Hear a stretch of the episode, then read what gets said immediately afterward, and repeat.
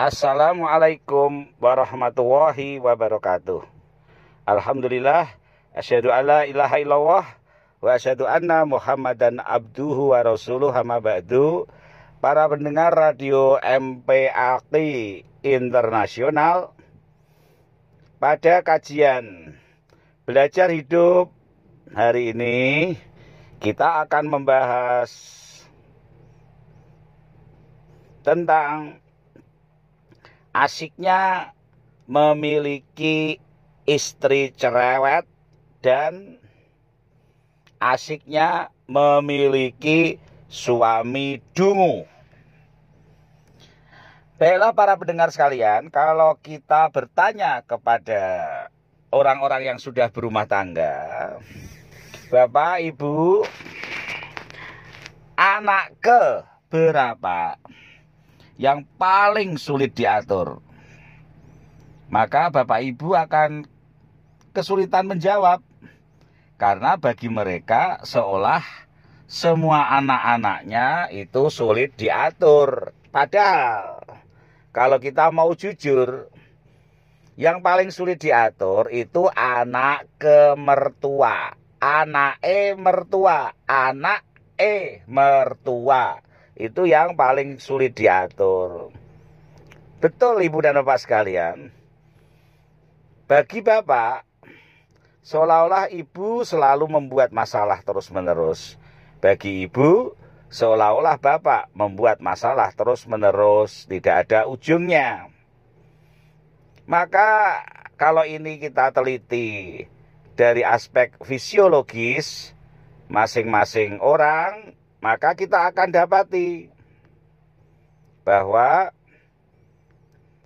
antara makhluk laki-laki dengan makhluk perempuan itu ada perbedaan fisiologis yang tidak terhindarkan yaitu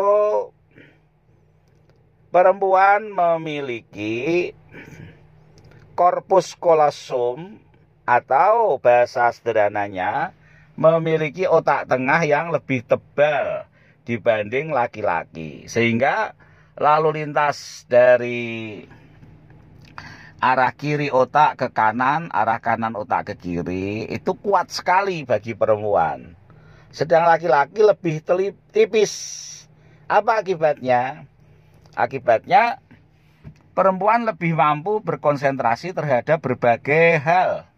Kita bisa lihat ibu-ibu yang telinganya dijejali dengan HP, nelpon sambil ngomong, kakinya masih sempat untuk bergerak-gerak menggoyangkan lapelnya, sedangkan tangannya juga bergerak-gerak untuk isah-isah.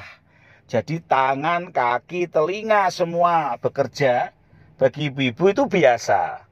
Namun lain bagi bapak-bapak begitu bapak-bapak sudah membaca koran, maka kalau dipanggil sayangku oleh ibu-ibu, bapak-bapak akan diam saja.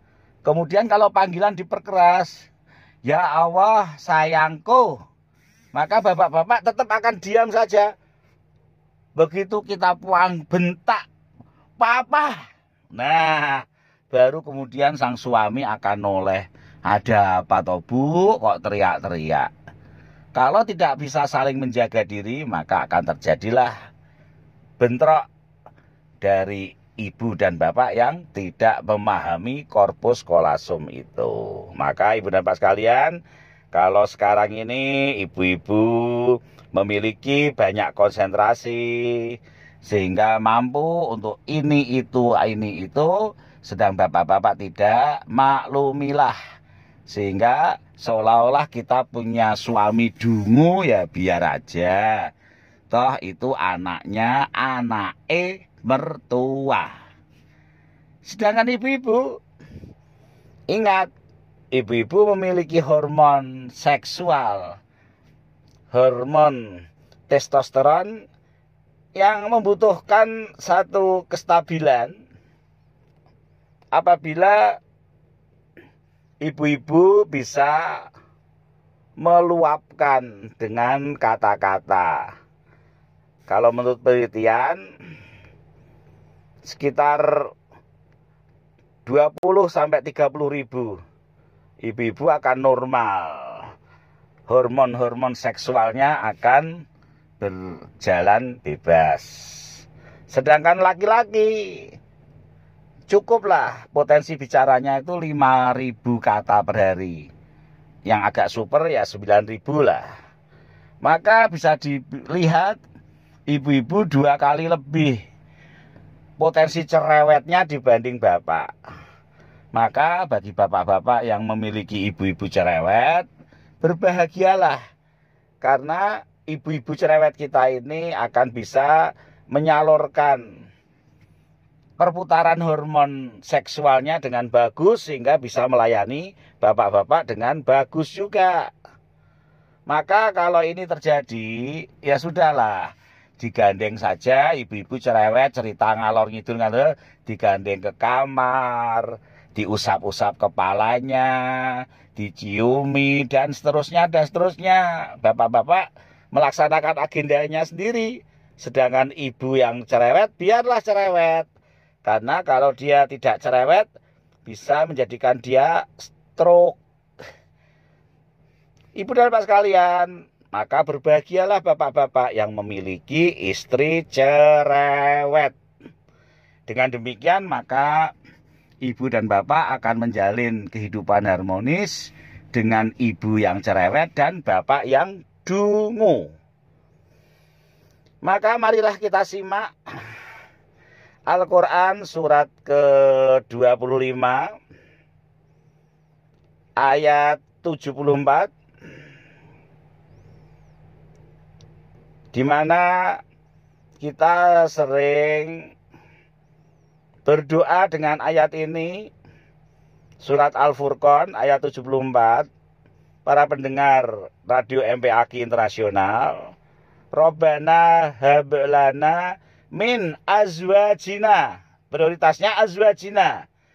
Baru zuriatina kurota ayun. Maka kita jadikan visi keluarga kita visi 2574 yaitu menjadikan istri-istri kita sebagai penyejuk mata. Baru kemudian anak-anak kita.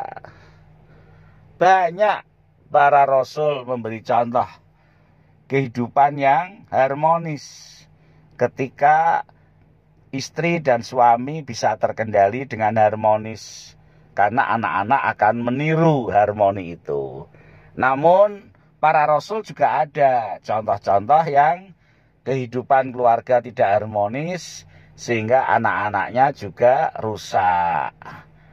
Maaf seperti Nabi Nuh misalnya. Kasihan kan? Maka marilah kita jadikan surat Al-Furqan ayat 74 ini sebagai visi keluarga kita. Yaitu menjadikan istri-istri kita beres, terdidik, solehah, baru kemudian anak-anak kita. Indahnya kita memiliki keluarga yang bapaknya dungu, ibunya cerewet, tetapi saling memahami karena faktor fisiologis, faktor fisik. Jadi kalau ada ibu-ibu yang bosen dengan bapaknya, mau ganti bapak, nanti akan ketemu yang seperti itu lagi. Bapak-bapak yang bosen dengan istri-istrinya, mau ganti ibu, akan ketemu yang seperti itu lagi. Karena mereka adalah manusia. Baik, yang ada saja mari kita harmoniskan keluarga kita dengan landasan Islam.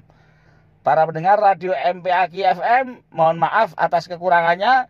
Bila taufiq wa hidayah. Assalamualaikum warahmatullahi wabarakatuh.